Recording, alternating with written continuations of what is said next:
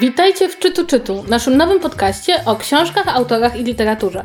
To nasze pierwsze nagranie, w związku z tym chciałobyśmy się na początku Wam przedstawić. A ponieważ siedzimy w kółeczku, to pierwsza przedstawi się Wam Marta. Cześć, Ocean Soul, Marta Weronika Najman. Kiedyś prowadziłam bloga, ostatnio głównie udzielam się gościnnie w Myszmaszu i działam w sieci Podsłuchane, ale to będzie mój pierwszy podcast, który, w którym jestem pełnoprawną współprowadzącą.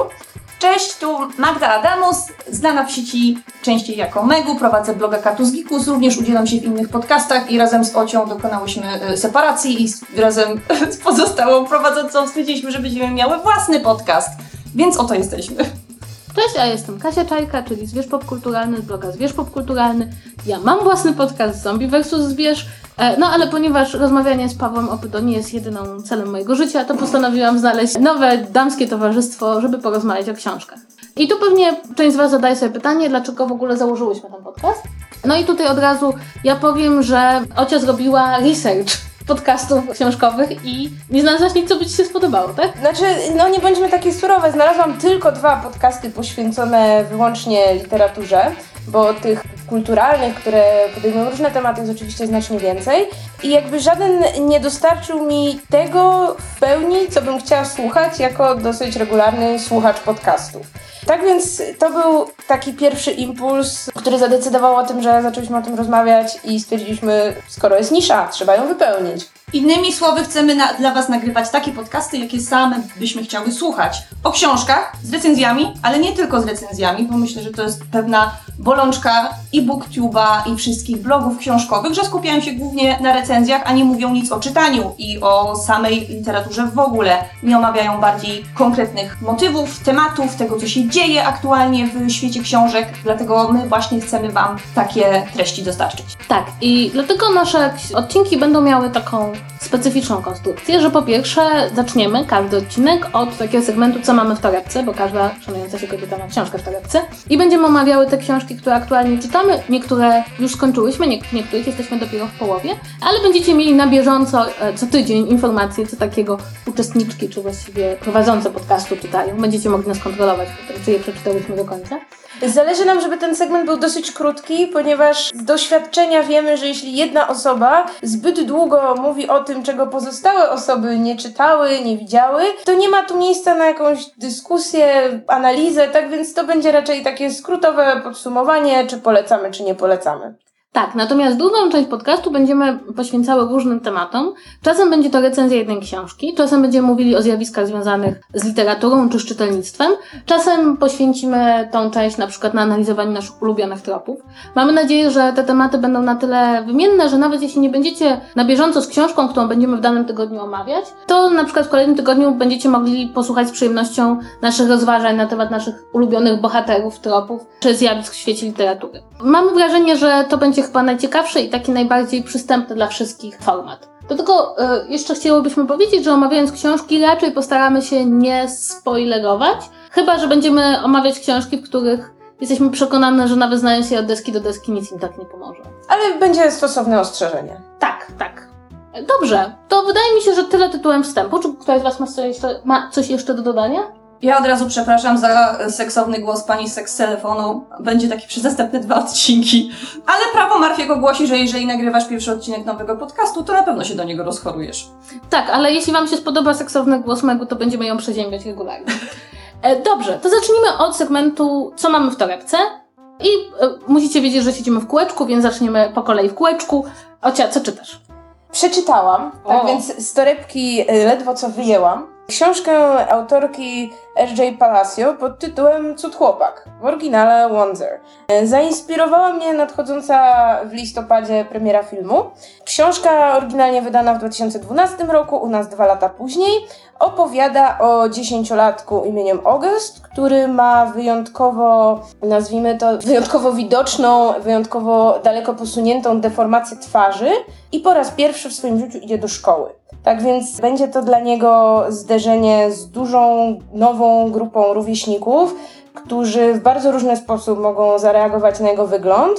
równocześnie też ze środowiskiem nauczycieli, w ogóle z samym systemem szkolnictwa, ponieważ do tej pory uczony był w domu przez mamę, co jak wiemy no, jest zawsze trochę inną formą uczenia się. I książka zaczyna się z jego perspektywy i po kilkudziesięciu stronach ten punkt widzenia się zmienia, tak więc jesteśmy przerzucani pomiędzy punktem widzenia jego kolegów ze szkoły, jego siostry, chłopaka siostry i potem wracamy z powrotem do Augusta i tak się ta książka toczy. I teraz tak, temat jest moim zdaniem bardzo ciekawy i dosyć z wyczuciem potraktowany. Problem w tym, że ta książka jest bardzo dużo obiecuje i bardzo rozczarowuje na końcu. Czy to jest bardzo łzawe? Brzmi jak coś, co powinno być bardzo łzawe. To jest dosyć łzawe, przy czym wydaje mi się, że na początku jest to wzruszające w ten lepszy sposób. To znaczy, nie, nie czuję, że jakby jest ci to tak wpychane do gardła, to znaczy dzieją się rzeczy i odczuwasz jakieś emocje.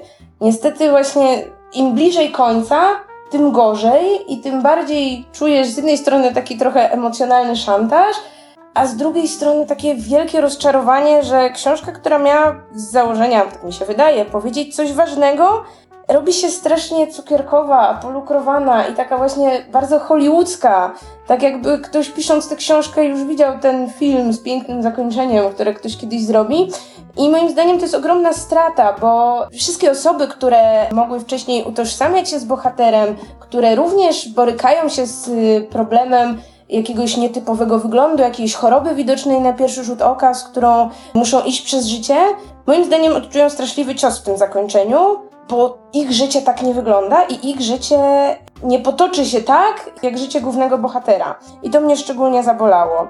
Szkoda też trochę, że ten motyw narracyjny z ukazywaniem różnych perspektyw nie został lepiej wykorzystany przez autorkę, ponieważ inne postacie są bardzo ciekawe, szczególnie siostra głównego bohatera, która jest od niego starsza i która jakby przez większość życia musiała liczyć się z tym, że jej rodzice więcej uwagi poświęcają właśnie młodszemu bratu, która wiele elementów swojego życia podporządkowała jego chorobie, jest postacią moim zdaniem najlepiej opisaną w tej książce. Jej wątek jest y, najciekawszy i jakby też taki najbardziej przejmujący. Ma też własne problemy, które w jakimś sensie musi pogodzić właśnie z y, tą chorobą w rodzinie.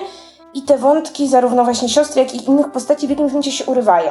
To jest pierwsza rzecz. Druga rzecz jest taka, że autorka nie potrafiła do końca oddać tego zróżnicowania narracyjnego w stylu. To znaczy, mamy tylko jednego bohatera, który w jakimś sensie inaczej pisze. To niestety głównie widać przez inną ortografię, on nie stosuje wielkich liter, ale narracyjnie wszystkie postaci mówią zbyt podobnym głosem.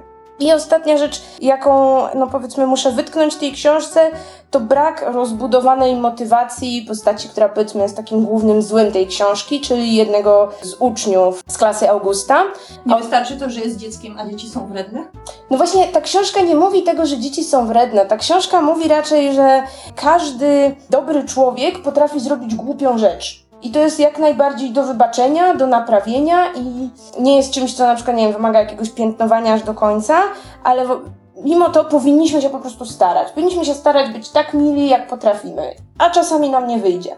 No i właśnie to jest ten problem, bo jakby nie poznajemy motywacji bohatera, który ewidentnie jest niemiły, ma jakiś problem.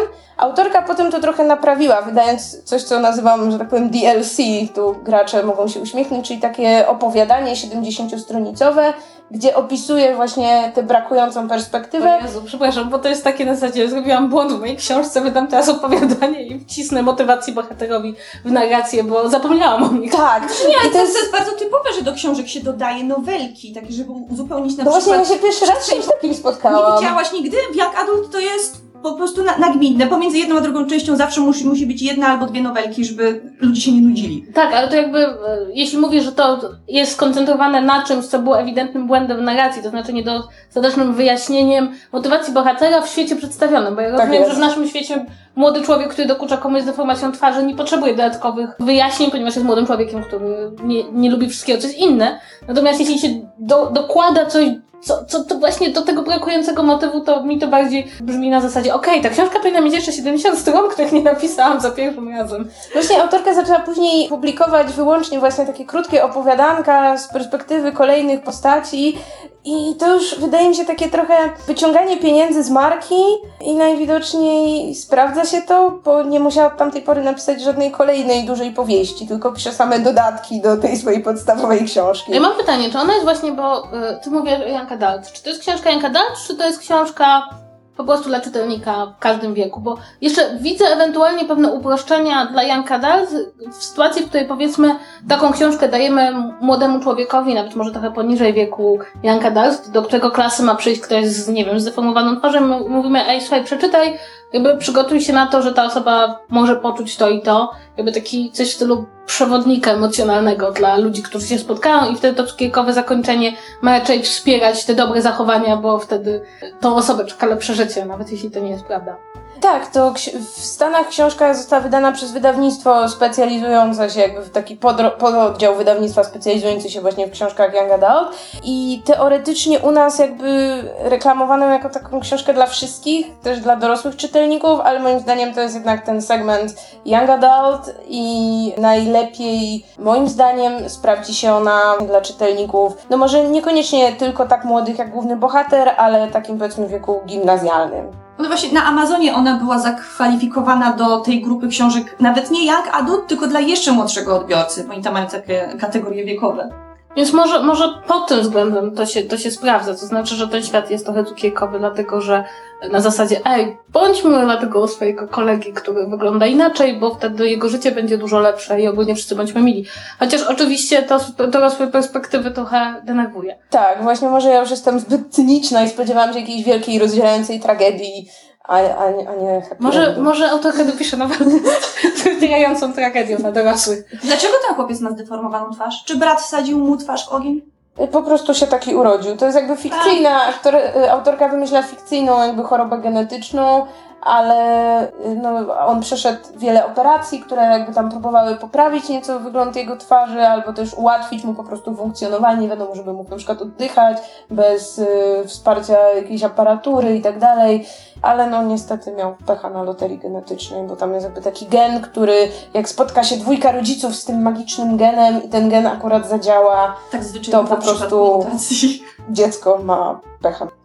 Dobrze, ale polecasz czy nie polecasz? To znaczy, jeśli nie jesteśmy rodzicami dzieci, które e, będą miały w klasie nowego kolegę, który może ma zdeformowaną twarz, to polecać dziecio, dzieciom, młodzieży, dorosłym? czy nie? Dzieciom polecać, bo moim zdaniem to może być całkiem niezła lekcja empatii i takiego trochę spojrzenia właśnie z perspektywy osoby, która cierpi na jakąś chorobę. Niekoniecznie właśnie musi być to deformacja twarzy, bo jak najbardziej można to szerzej rozszerzyć na cokolwiek, co w jakimś sensie utrudnia życie. W przypadku dorosłych, no niekoniecznie. Dobrze, czyli jeśli, jeśli macie jakieś młode pod ręką, to możecie im zaobserwować książkę przed tym, przed premierą filmu, gdzie matkę e, chłopca gra Julia Roberts. To takie, Tak, a chłop- takie e, lata. Chłopca gra Jacob Tremblay, który był O. genialny w Room, tak, O, to- więc to film też- na pewno też obejrzę. Dobrze, Magu, co tam u Ciebie w torebce? A więc ja mam w torebce książkę, którą też już zdążyłam przeczytać i zdążyłam ją nawet zrecenzować na moim, e, na moim własnym blogu, ale mogę o niej równie dobrze powiedzieć też dzisiaj. To jest reportaż. W moim przypadku w ogóle przygotujcie się na to, że będzie sporo reportaży, bo to jest jeden z moich ulubionych gatunków literackich. To jest reportaż wydany przez oczywiście wydawnictwo czarne, moje ulubione, Brendana Koernera pod tytułem Niebo jest nasze, miłość i terror w złotym wieku piractwa powietrz- powietrznego. Autor jest współpracownikiem portalu Wired i za, zajął się w tej książce problemem, który dla mnie dotychczas w ogóle nie istniał. To znaczy, ja nie zdawałam sobie sprawy z tego, że e, kiedyś. No, no nie wiem, ludzie byli tak głupi, nieprzygotowani do życia, że mogli dopuścić do tego, że e, taki problem zaistniał. A mianowicie, mniej więcej w okolicach lat 60. i 70. w USA nagminnie porywano samoloty. Teraz jak o tym pomyślimy, to to wydaje się być straszne, co ci ludzie musieli przeżywać, skoro wsiadając na pokład samolotu zawsze grali ze śmiercią. Tymczasem wtedy była to epidemia, która roz- rozrosła, rozrosła się na taką skalę, że pasażerowie samolotów byli do tego totalnie przyzwyczajeni. Oni wsiadając do samolotu brali pod uwagę to, że ktoś w pewnym momencie może wstać, iść do kokpitu i po, poprosić, żeby samolot poleciał do Hawany, bo wtedy wszyscy uciekali na Kubę. Wszyscy uciekali na Kubę, naprawdę. Był nawet taki jeden student, który stwierdził, że musi uciec na Kubę, bo chciałby tam badać komunizm w czystej postaci. Więc motywację Nie dostał Tak. grantu. I, I nie, było, nie było łatwiejszego sposobu niż porwanie samolotu. Ej, moim zdaniem powołanie samolotu jest prostsze niż dostanie grantu. Mnóstwo ludzi z różnymi motywacjami decydowało się na ten krok. Byli ludzie, którzy na przykład czuli się bardzo pokrzywdzeni przez system ubezpieczeń społecznych w USA. Byli weterani wojny wietnamskiej, bo to jest właśnie ten okres. Byli też ludzie, którzy mieli ewidentne problemy psychiczne, więc wsiadali na pokład samolotu i stwierdzili, że albo pokażą rządowi USA, że z nimi nie można pogrywać, albo po prostu będą chcieli z tego kraju uciec. Ta książka zamyka w sobie tak właściwie dwa reportaże, ponieważ jeden z nich to jest ta taka historyczna relacja pokazująca, jak doszło do tego zjawiska, jak ono się rozgrywało i później jak w pewnym momencie liczba porwań samolotów zaczęła spadać, bo w pewnym momencie w końcu rząd, a także linie lotnicze dały się przekonać do tego, żeby wprowadzić kontrolę osobistą na lotniskach, bo wcześniej było to dla nich nie do pomyślenia. bo oni stwierdzali, że to jest Ameryka, tutaj mamy wolność i tutaj nie możemy nikogo poprosić na bok i, go przeszukać, bo wtedy mu tą wolność będziemy zabierać. Także w momencie, kiedy w końcu zdecydowano się wprowadzić kontrolę na lotniskach, porwania stały się o wiele rzadsze, a w pewnym momencie były to już tylko jednostkowe przypadki. A ten drugi reportaż, który zawiera się w tej książce, to jest historia pary czarnoskórego mężczyzny, weterana wojny w Wietnamie i białej dziewczyny, hipiski, którzy się w sobie zakochali i postanowili razem porwać ten samolot. Głównie to był jego pomysł. On był motywowany różnymi też swoimi przeżyciami psychicznymi, bo on właśnie był weteranem wojny w Wietnamie i miał z tego powodu różne traumy, jak większość żołnierzy. Więc on chciał porwać samolot i chciał w ten sposób doprowadzić do tego, żeby uwolniono taką czarnoskórą aktywistkę, ona się nazywa Angela Davis. Ja nie wiem, czy kiedyś o niej słyszeliście. Ona y, bardzo dużo działała w Ameryce na, na rzecz y, ochrony czarnoskórej mniejszości. I ona wtedy miała proces y, i przebywała w więzieniu. W każdym razie, jak się czyta te wszystkie historie, to poza tym, że może tak jak ja będziecie ciągle pod wrażeniem tego, że jak, jak w ogóle można było dopuścić do takiej sytuacji, to trudno się naprawdę nie śmiać w niektórych momentach z tego, jak ci ludzie byli życiowo nieporadni, że się decydowali na coś takiego, że byli zupełnie nieprzygotowani, że nawet jeżeli grozili komuś bronią albo bombą, to tak naprawdę nie mieli tej broni ani bomby, a ci wszyscy pracownicy linii lotniczych i takich słuchali, bo mieli taki przykaz ogólny, że muszą spełniać wszystkie żądania porywaczy, żeby nikomu nie stało się nic złego. Co jest na swój sposób no, wytłumaczalne i ja, ja, ja to rozumiem, ale niemniej jednak wydaje mi się, że, tak, że, że, że, że ta książka dostarczy naprawdę paru przykładów takich, takich totalnie od czapy śmiesznych sytuacji, Także bardzo fajnie, bardzo fajnie się ją czyta, mimo tego, że wbrew pozorom opowiada o całkiem, całkiem poważnym problemie, który z naszej perspektywy, tej obecnej, już wydaje się być zupełnie tota, totalnie odległy. Akcja książki kończy się mniej więcej pod, pod koniec lat 80., Także ona już nie mówi o tych nowszych czasach, nie mówi e, w ogóle o, o 11 września i o, o tym, do czego wtedy porwanie samolotu doprowadziło. E, także ona na, na takim poziomie powagi, zatrzymuje się w tych, zatrzymuje się w tych czasach, które dla nas są już dosyć, dosyć, dosyć odległe, dlatego czyta się ją dosyć le lekko, czyta się ją szybko i jeżeli ktoś lubi reportaże, to naprawdę polecam, bo jest e, strasznie ciekawa. Okej, okay, dobrze. A teraz ja i ja będę potrzebowała trochę pomocy, ponieważ ja nie umiem czytać obco brzmiących nazwisk, więc ty przeczytasz e, autorkę książki Tulipanowa Gorączka, która nazywa się... O kurczę, co to jest? Debora Mogach. Mogach. Tak, e, więc Debora Mogach, ja sama mogłam w ten sposób przeczytać. Pewnie się okaże, że jest Mogacz albo Ale coś takiego. Otóż jest to autorka, która napisała swego czasu Hotel Marigold, który został mm, przerobiony na dwa filmy. Jeden niezła, drugi bardzo średni. E, no a teraz w Polsce w, w nakładem wydawnictwa Rebis wyszła książka Tulipanowa Gorączka, która z kolei ma nas przygotować na premierę filmu Tulipanowa Gorączka, w której gra i Christoph Waltz, i Alicia Vikander, i Judy Dent, czyli w ogóle całe mnóstwo różnych aktorów co nie dziwi, w sumie są role. No, ale w każdym razie historia opowiada e, o młodej, o bardzo młodej dziewczynie, która poślubiła bardzo starego mężczyznę, który on jest bardzo bogaty, ona jest biedną sierotą. E, ona go oczywiście nie kocha, bo on jest bardzo stary, ona jest bardzo młoda. To się, e... wiadomo, wyklucza miłość pomiędzy młodą kobietą a starym mężczyzną. Bardzo. No i mieszkają sobie w pięknej kamienicy w Amsterdamie, on mu bardzo dobrze idzie handel. No, kiedy postanawia zamówić pałt ich dwójki, do domostwa przychodzi malarz, Malarz jest piękny, spogląda jeden raz na Sofię, naszą główną bohaterkę, ona spogląda jeden raz na niego i już oboje przepadli, bo jasne jest, że jeśli przychodzi malarz, to po to, żeby uwieść panią domu, no bo to jest ogólnie to, co robią malarze, nie? Sztuka! Nie, no ale to jest jasne, malarze przychodzą do domu, żeby uwieść e, e, panią domu. No i jeszcze do tego wszystkiego mamy taki poboczny wątek służącej i jej ukochanego. I służąca jest w tym samym wieku, też jest bardzo młoda, jest w tym samym wieku co główna bohaterka. Mój problem z tą książką, którą jeszcze nie skończyłam czytać, jestem gdzieś w połowie, polega na bardzo wielu różnych rzeczach. E, Pierwsza, e, pierwsza z nich jest taka, że nasza niesamowicie młoda bohaterka ma 24 lata, a rzecz rozgrywa się w XVII-wiecznej Holandii, co jest pewnym problemem, zwłaszcza jeśli weźmiemy także pod uwagę, że jej służąca ma też 24 lata, jest bardzo młodą dziewczyną, która wyobraża sobie, że kiedyś weźmie ślub ze swoim ukochanym i będą mieli szóstkę dzieci i myśli o tym jako jakiejś takiej bardzo dalekiej przeszłości. No, o ile jeszcze mogę uwierzyć, że 24-letnia dziewczyna, która pochodziła z dobrych rodzin, mogłaby być ewentualnie uznawana za młodą i, i za taką, chociaż nie, mam z tym problem. O tyle 24-letnia służąca, której się dopiero marzy jakaś przyszłość, jakaś szóstka dzieci, wydaje mi się, no, zwłaszcza w tej epoce już takim dosyć anachronizmem, czyli przeniesieniem dzisiejszego sposobu myślenia na przeszłość. Ale jestem w stanie to wybaczyć, możemy to uznać za rzecz długoplanową. Ja wiem, że zawsze znajdzie się jakiś historyk epoki, który powie, nie, nie, nie, wy sobie źle wyobrażacie, to mogłoby się zdarzyć. I wyrysuje to wszystko pięknie na mapie demografii. Ale największym problemem z tą książką jest taki, że ona zmieniając bardzo wiele perspektyw, bo raz widzimy perspektywę Sofii, raz Jana i raz służącej, raz ukochanego służącej, tak naprawdę jest strasznie płytka. Bohaterowie wystarczy, że raz na się spojrzą, a już padają sobie w ramiona i się bardzo kochają.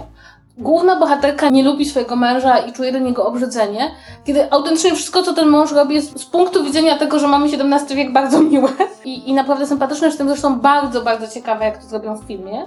Dlatego, że to jest chyba jedyna naprawdę dobrze napisana postać w tej książce. To znaczy mąż, dużo, dużo starszy od swojej żony, który nie może uwierzyć, jakie ma szczęście, że ma taką żonę i w sumie jest dla niej bardzo, bardzo miły i czuły i, i ze swojej perspektywy ewidentnie robi wszystko, co dobre.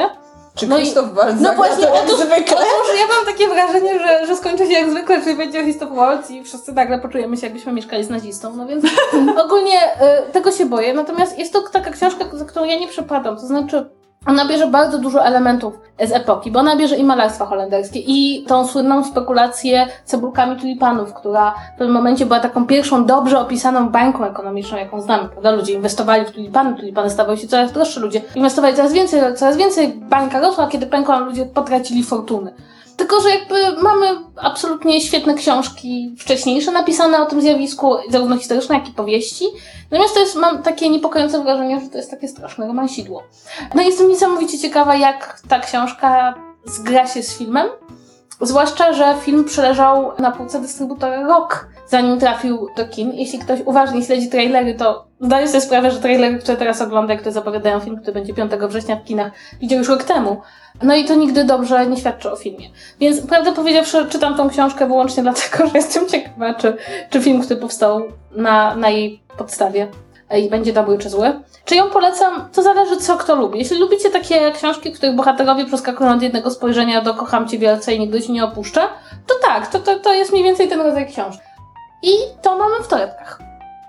Niniejszym możemy chyba przejść do naszego gwoździa programu, a ponieważ wszystkie jesteśmy twórczyniami internetowymi, na pierwszą książkę, którą omówimy w, w, wspólnie, wybrałyśmy również książkę o twórczyni internetowej.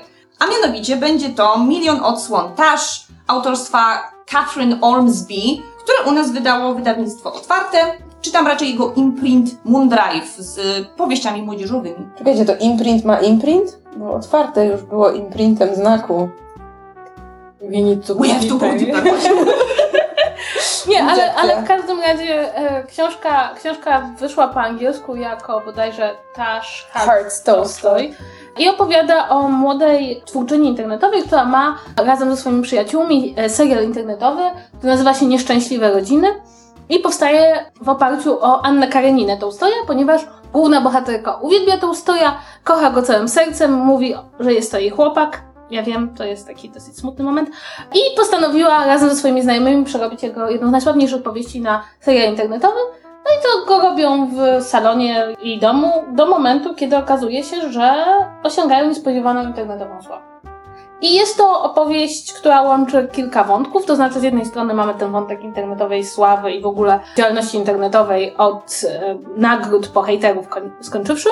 Z drugiej mamy relacje między Tash a jej przyjaciółmi, takimi przyjaciółmi na śmierć i życie, których ma od dzieciństwa i z którymi spędza każdą chwilę, a jednocześnie na tle są, w tle są e, problemy rodzinne bohaterki, której rodzice e, zarezerwowali, za, zafundowali dosyć dziwną niespodziankę, której siostra jedzie na studia, no i jeszcze, żeby było więcej, Trójkąt miłosny. tak, Dum, dum, dum.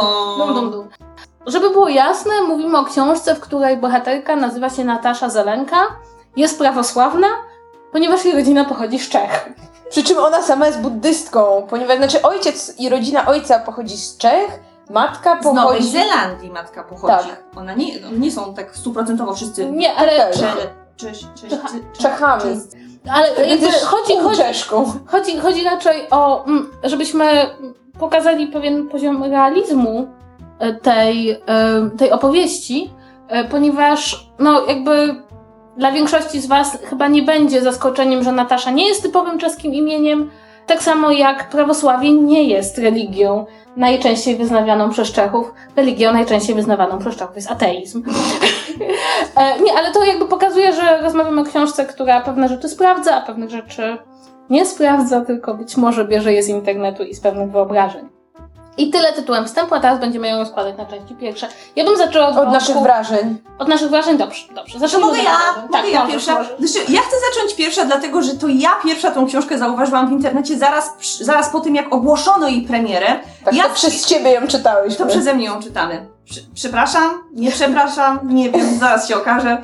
Chodzi mi o to, że jak ja zobaczyłam, o czym ma być ta książka, to znaczy, że ma być o youtuberce, która zakochuje się w najprzystojniejszym youtuberze, bo to jest tam bardzo często podkreślane w materiałach marketingowych do tej książki, to ja stwierdziłam, że to będzie dowód na to, że powieść młodzieżowa, young adult, jest tak niesamowicie chłonnym gatunkiem, że on jest w stanie przyjąć każdą modę, absolutnie każdy hype na, na jakieś hobby wśród młodzieży i tak dalej i przekształcić to na temat romansu dla, e, dla nastolatków. W sumie to ciekawe, ja- jaką drogę jakby ten amant wymarzony dla głównej bohaterki przeszedł od wampira po znanego youtubera.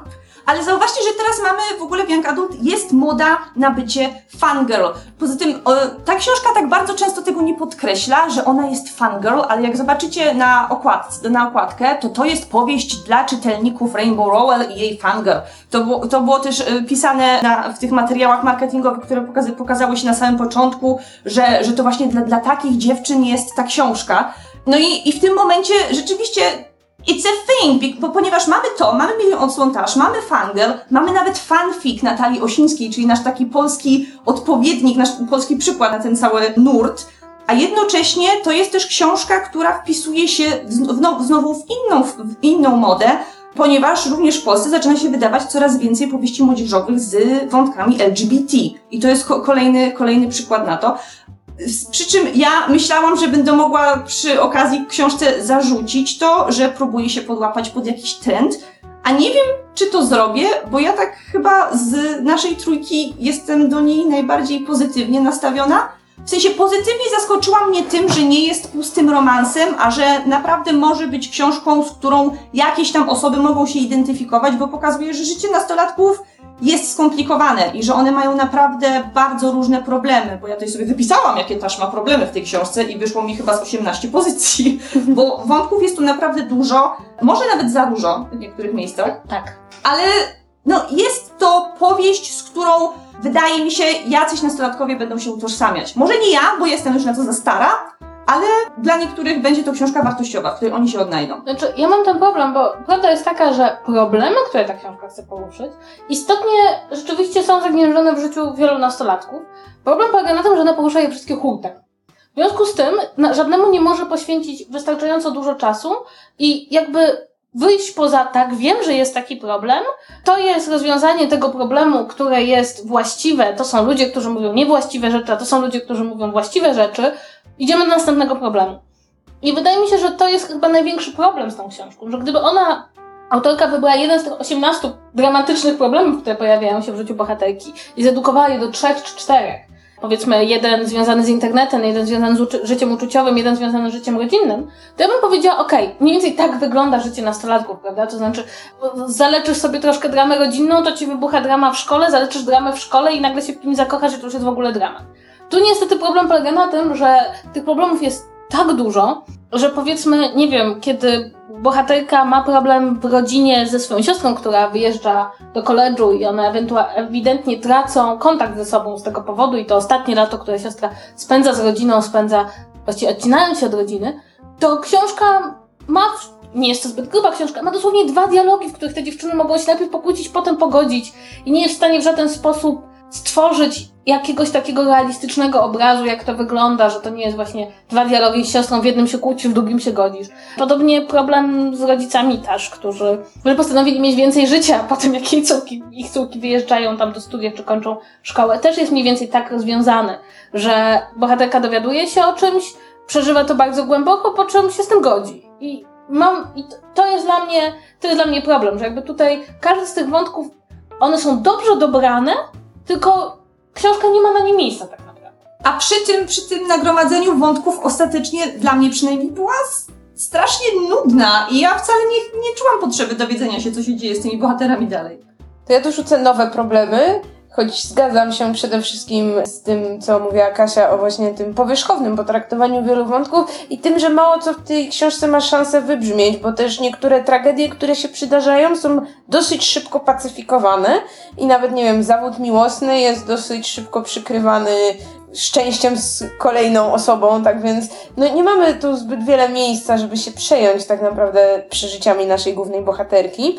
Ale dokładając ode mnie, to przede wszystkim nieznośna narracja, która momentami wpada w bardzo szczegółowe opisywanie prozaicznych czynności, czyli jeśli bohaterka postanawia wypić herbatę z siostrą, to autorka opisze nam, że bohaterka nalewa wodę do czajnika, nastawia ten czajnik, potem zalewa herbatę wrzątkiem i potem podają I sobie filiżanki. I to jest El Grey, bo ona pija El Greya Tak, w tym swoim To jest absurdalne. Jak często dowiadujemy się, że bohaterka przychodzi do domu, przebiera się w wygodne ubranie, zaparza herbatę i siada przed laptopem. No, ale to tak jest jakby jak czytelnik nie, nie wiedział tego wszystkiego. Tak jak ja bardzo lubię książki z drobiazgową narracją, ale drobiazgowo opisujące nam to, czego nie wiemy, albo robiące to w jakiś, nie wiem, fantazyjny, poetycki czy inny sposób, a nie pisanie takie typowo opkowe, że ubrała się i zeszła na śniadanie. Musisz wytłumaczyć, czym jest pisanie opkowe, bo może niektórzy Dobrze, nie będą o co Y, chodzi. Ja już widzę, że będę w tym y, podcaście cyniczną hejterką powieści młodzieżowych.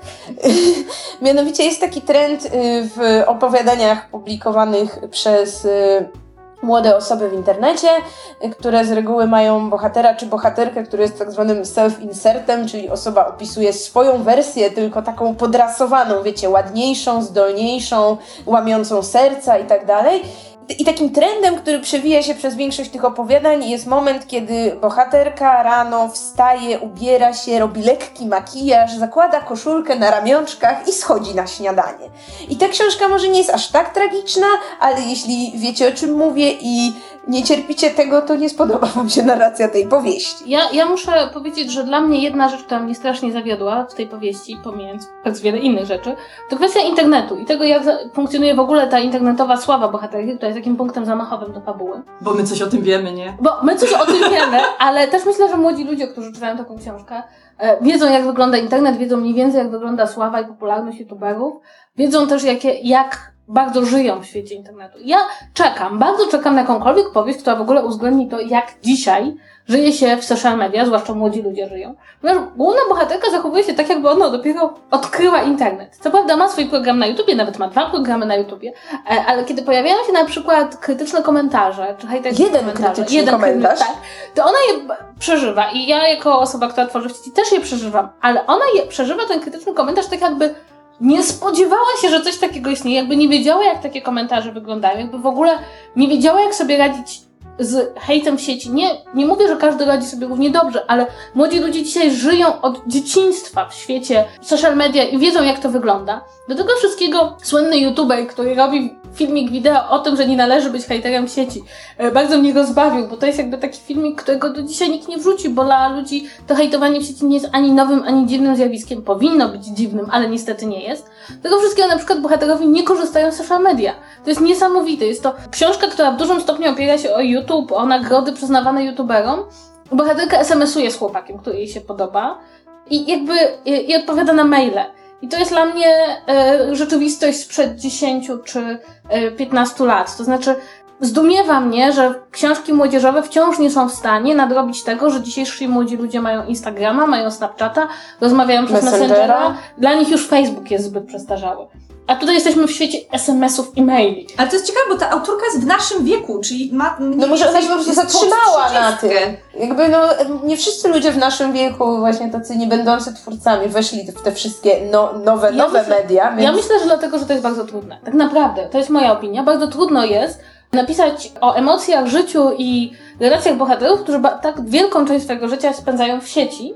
Zwłaszcza biorąc pod uwagę, że powiedzmy, dziwi mnie, że ludzie nie sprawdzają wzajemnie swoich, nie wiem, feedów na Instagramie, żeby zobaczyć, nie wiem, ona ma konflikt z siostrą, no. Jedną z lepszych rzeczy, żeby wściec się na siostrę jest obejrzeć jej zdjęcia, które ona wrzuca na Instagramie, kiedy nie ma jej tam, gdzie powinna być.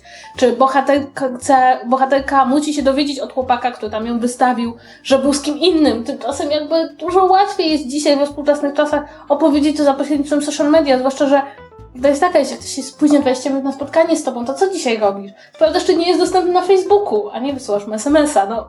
I to mnie zastanawia, to znaczy ja myślę, że to po prostu jest wciąż coś, co, czego a autorzy nie lubią, prawdopodobnie boją się, że bardzo szybko książka się zestarzeje, bo te mody mijają, prawda? Podejrzewam, że za 10 lat nikt nie będzie, trzeba będzie robić przepisy do tego, co to jest Snapchat.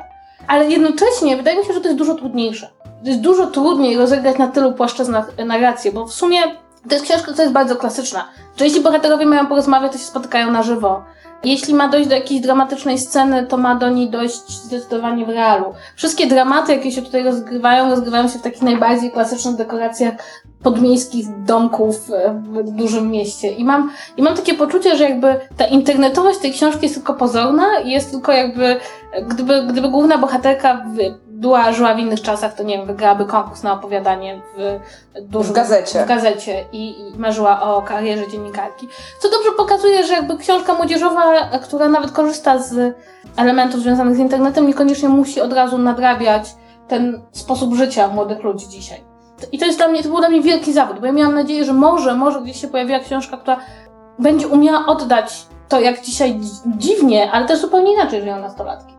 To powiedzmy może jeszcze szybko o jednej cesze, która dosyć wyróżnia tę książkę na tle innych powieści młodzieżowych, czyli o fakcie, że główna bohaterka jest aseksualna. Tak, bo trzeba podkreślić, że to jest książka napisana przez pisarkę wywodzącą się już z tego pokolenia Tumblra, Tumblera.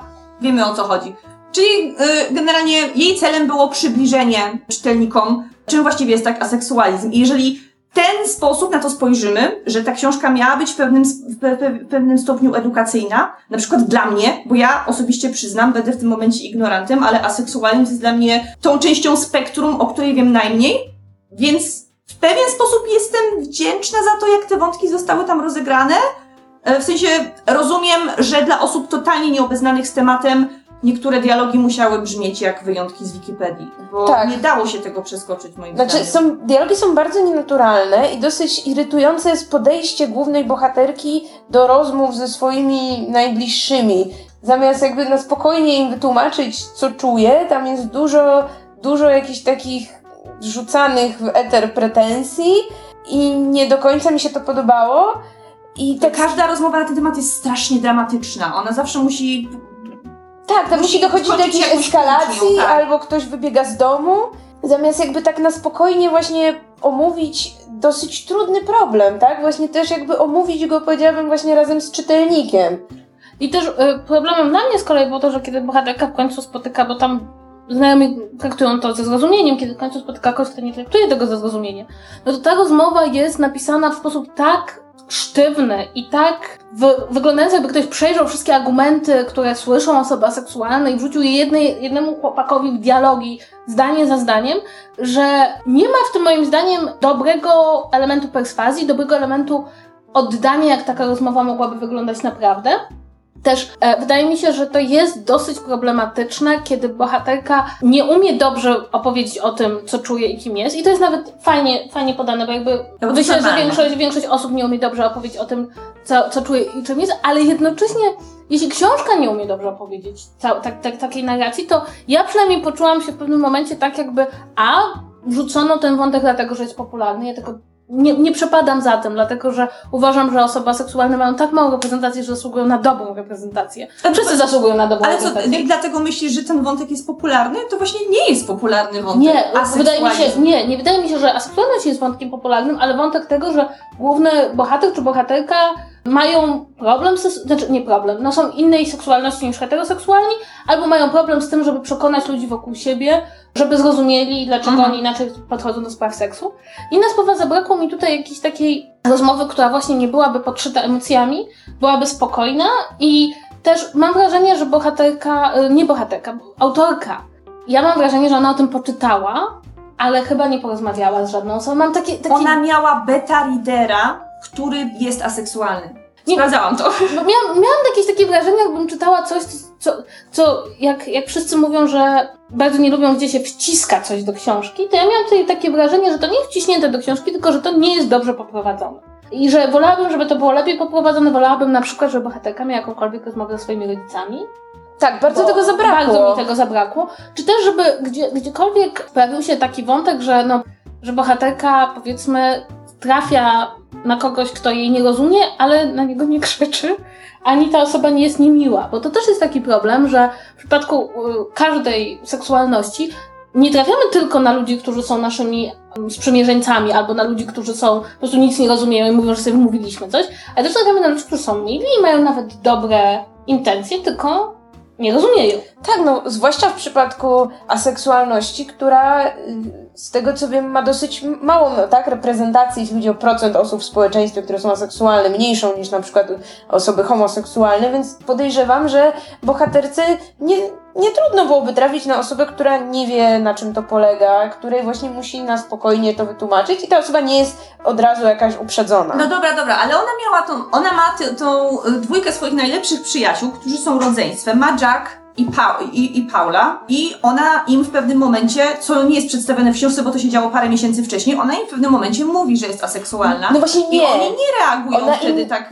Ona im nie mówi, że jest aseksualna. Ona im mówi, że nie interesuje ją sypianie z chłopakami i nie wiadomo w tym momencie, czy ona jest właśnie, nie wiem, aseksualna, czy może jest lesbijką, czy może po prostu nie chce sypiać z chłopakami, bo jeszcze tego nie czuje, albo że dopiero się zastanawia nad tym Ja wam wszystkim. powiem, jaki jest problem moim zdaniem z tą seksualnością. To jest dobry wątek i fajnie, że jest taka postać. Tylko bohaterka chce mieć ciastko, zjeść ciastko. Chce mieć aseksualną bohaterkę i chce mieć trójkąt romantyczny.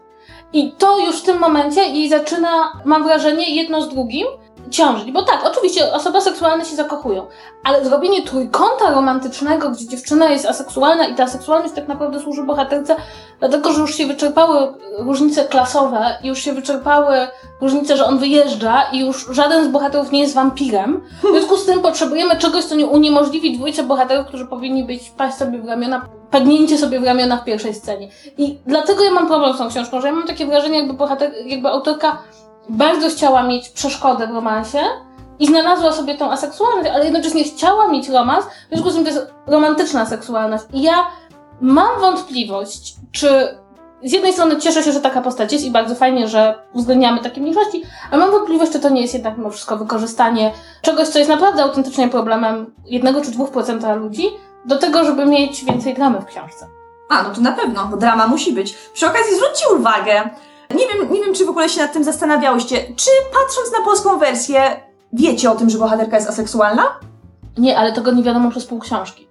To jest w amerykańskiej wersji, czyli w oryginale, to jest napisane normalnie na blurbie z tyłu książki. Tak, ja że aseksualizm jest, jest dużym problemem w tej książce, że to jest jeden z przewodnich tematów, a tymczasem polski wydawca ułożył wszystkie materiały marketingowe w ten sposób, że sugerują ci one, że to jest po prostu romans dla nastolatek, w którym nastolatka zakochuje się w najseksowniejszym youtuberze. I ten, to słowo najseksowniejszy jest tam, jest tam wsz- wszędzie powtarzane, a w książce on wcale nie jest pokazany, ten jej obiekt westchnień z internetu, wcale nie jest przedstawiony ani jako najpopularniejszy youtuber, ani jako najseksowniejszy. On tam reprezentuje jakąś taką niszę i nie pamiętam jakie on tej No tak, on jest robi. średnio, on robi On jest o średnio popularny, O tak. takie, e, no, popularno-naukowe, średnio popularne i że jest taki dosyć, no, ładny, no, miły Więc- dla oka, ale nie jakiś, jakieś bożyszcze, tak? Tak, więc to nie jest jakaś niesamowita gwiazda internetów, ani ten ich romans nie jest główną, główną myślą przewodnią książki, ale o tym, że bohaterka jest aseksualna, co jest chyba ważniejszym wątkiem niż to, że zakochuje się w jakimś youtuberze.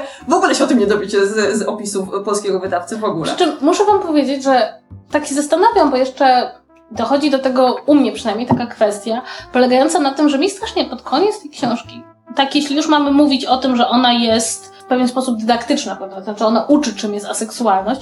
Zabrakło mi, prawdę powiedziawszy, jakiegoś odniesienia do dzieciaków, które, no bo jednak mimo wszystko, jeśli nie, nie, nie żyjesz na Tumblrze i nie żyjesz w internecie, to aseksualność nie jest najpopularniejszą rzeczą, którą, na którą trafiasz i w ogóle orientacją, o której nawet wiesz, prawda? No, zwłaszcza, zwłaszcza, że to jest orientacja, o której zaczęło się mówić bardzo niedawno. Zabrakło mi takiego jakby wskazówki może dla dzieciaków, które to przeczytają. Czy to w wydaniu polskim, czy amerykańskim. Gdzie mogłyby pójść i zobaczyć, czy to ich dotyczy, czy nie.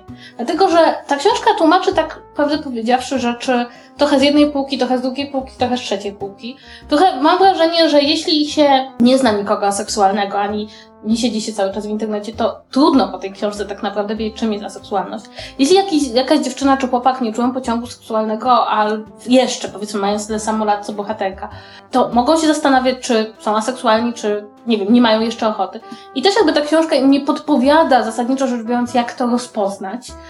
I trochę właśnie mam wrażenie, że to też byłoby bardziej, byłoby fajne i odpowiedzialne. Gdyby ta książka miała pod koniec jakąś tak na zasadzie, jeśli się znalazłeś w tej książce, bo bądź co bądź nie jest to taka rzecz jak powiedzmy bycie osobą homoseksualną, że jakby to kulturowo ma mnóstwo reprezentacji, że jeśli znalazłeś się w tej książce, to idź tutaj i tutaj, przeczytaj sobie o tym dokładnie, przeczytaj o tym na spokojnie, a nie tak jak tłumaczy to bohaterka trochę tak trzy po trzy. Przeczytaj, jakie są odmiana seksualności, bo przecież nie każda seksualność ma ten wymiar romantyczny. Są ludzie, którzy w ogóle jakby nie, nie, nie są, też nie zakochują się na przykład. Więc wydaje mi się, że tego mi, tego mi trochę zabrakło. Jak na książkę, która podejmuje tak rzadko opisywaną seksualność, to wydaje mi się, że odpowiedzialne byłoby, żeby ładnie wprowadzić jeszcze inne elementy, które tutaj się tak pojawiają w bardzo, bardzo różnych miejscach. I wydaje mi się, że mogą część czytelników, część czytelników może skończyć czytać tę książkę i być chyba niedoinformowana jednak mimo wszystko, nawet znając pojęcie już teraz. To I... podsumowując, polecamy, nie polecamy, średnio polecamy, Megu. Ze względu na tematykę i na to, że ona jest jednak dosyć inna, y, na tle innych powieści młodzieżowych. Ja myślę, że można spokojnie tą książkę przeczytać, zwłaszcza, że porusza tak niespotykany i no, trudny problem bycia, e, bycia osobą e, aseksualną. To tak, jednak e, literacko nie jest to wybitna powieść i warto o tym pamiętać, biorąc się za nią nie jest ani porywająca, ani, y, ani postać głównej bohaterki nie jest specjalnie sympatyczna, bo ja tam miejscami strasznie się na nią denerwowałam, ale mimo wszystko jestem bardziej na tak, niż na to, żeby książkę totalnie zjechać i nawet po nim nie sięgać. Więc warto dać jej szansę. Może akurat komuś spodoba się bardziej niż nam, myślę, że osoby troszeczkę młodsze mają szansę odnaleźć się w niej bardziej. Ja zdecydowanie odradzam. Dla mnie to jest po prostu bardzo słaba książka, niezależnie od wszystkich dobrych intencji, jaką za nią stoją. Z dosyć, powiedziałabym, dla mnie przynajmniej niesympatyczną bohaterką. I to jest taka książka, która mogłaby zrobić bardzo dużo dla, dla młodych ludzi, e, gdyby zdecydowała się, jak już mówiłam, e, nie ujawniać nowej dramy na każdej nowej stronie, a tak po prostu przebiega po problemach, nie odpowiadając tak naprawdę na żaden z nich. I myślę, że byłoby fajnie, gdyby ktoś napisał książkę o każdym z problemów, który ma Tasz, tylko napisał ją głębiej, lepiej i mam takie poczucie też, że może jakby napisał ją trochę lepszym językiem i żeby bohaterka nie wiedziała, że facet jest dla niej niedobry, ponieważ nie umie dobrze wymówić i imienia, bo to jest mniej więcej taki problem się pojawia w tej książce, więc ja osobiście jestem na nie i uważam, że naprawdę fajnie, że, bohater, że autorka książki miała dobre intencje, ale dobre intencje nie zawsze czynią dobrą literaturę. Ja też jestem raczej na nie. Książka ma zdecydowanie za dużo problemów, jest za słabo napisana, bohaterka jest momentami bardzo irytująca. Aspekt internetowy jest bardzo nieprzystający do rzeczywistości i to mnie chyba najbardziej ubodło, bo ten wątek i powiedzmy takie no średnio dobre wytłumaczenie tego, że bohaterka jest aseksualna, to jakby na to bym przymknęła oko, dlatego że to jest chyba pierwsza popularna książka młodzieżowa, która w ogóle podejmuje ten temat, więc fajnie, że ktoś próbuje. No ale właśnie ten wątek twórczości internetowej, nie wiem z jakiej jest to rzeczywistości, ale na pewno nie z naszej. Wątek z tą stojem jest bardzo kiepski. Tu o nim za bardzo nie mówiłyśmy, bo już e, trochę, trochę zabrakło nam czasu, ale zarówno jakby fangirlowanie do plakatu z tą stojem i mówienie do niego jak do swojego chłopaka, no jest trochę creepy. Potraktowanie jego twórczości w taki sposób, w jaki robi to bohaterka, no trochę, trochę, trochę może zirytować. I sam jakby wątek kręcenia tego serialu internetowego, to jak tam się szybko przewijają postaci biorące w tym udział, to jest wszystko potraktowane bardzo po macoszemu, wątki postaci się pojawiają, urywają albo są gdzieś bardzo na czwartym planie. Tak więc no niestety ta książka ma dużo, dużo, dużo problemów i dużo wad, więc o ile bardzo nie pragniecie przeczytać książki konkretnie z aseksualną główną bohaterką, to też nie polecam. Dobrze, i to wszystko w naszym odcinku w tym tygodniu. Zapraszamy Was, żebyście nie tylko polubili stronę naszego podcastu Czytu Czytu na Facebooku, ale tak, żebyście polubili stronę naszego, kon- nie, jak to się nazywa, sieci, Sieci podcastowej, Podsłuchane, gdzie będziecie mogli słuchać nie tylko Czytu Czytu, ale także innych wspaniałych podcastów. No i oczywiście, jak zawsze, zapraszamy Was do śledzenia naszych blogów i naszych Instagramów i innych stron. Linki do tego wszystkiego znajdziecie w opisie odcinka. Zostawiajcie nam komentarze pod tym odcinkiem albo na naszych fanpage'ach, albo możecie przysłać nam maila na czytu czytu małpa podsłuchane.pl. To do usłyszenia za tydzień. Pa, pa. Dzięki, cześć. cześć.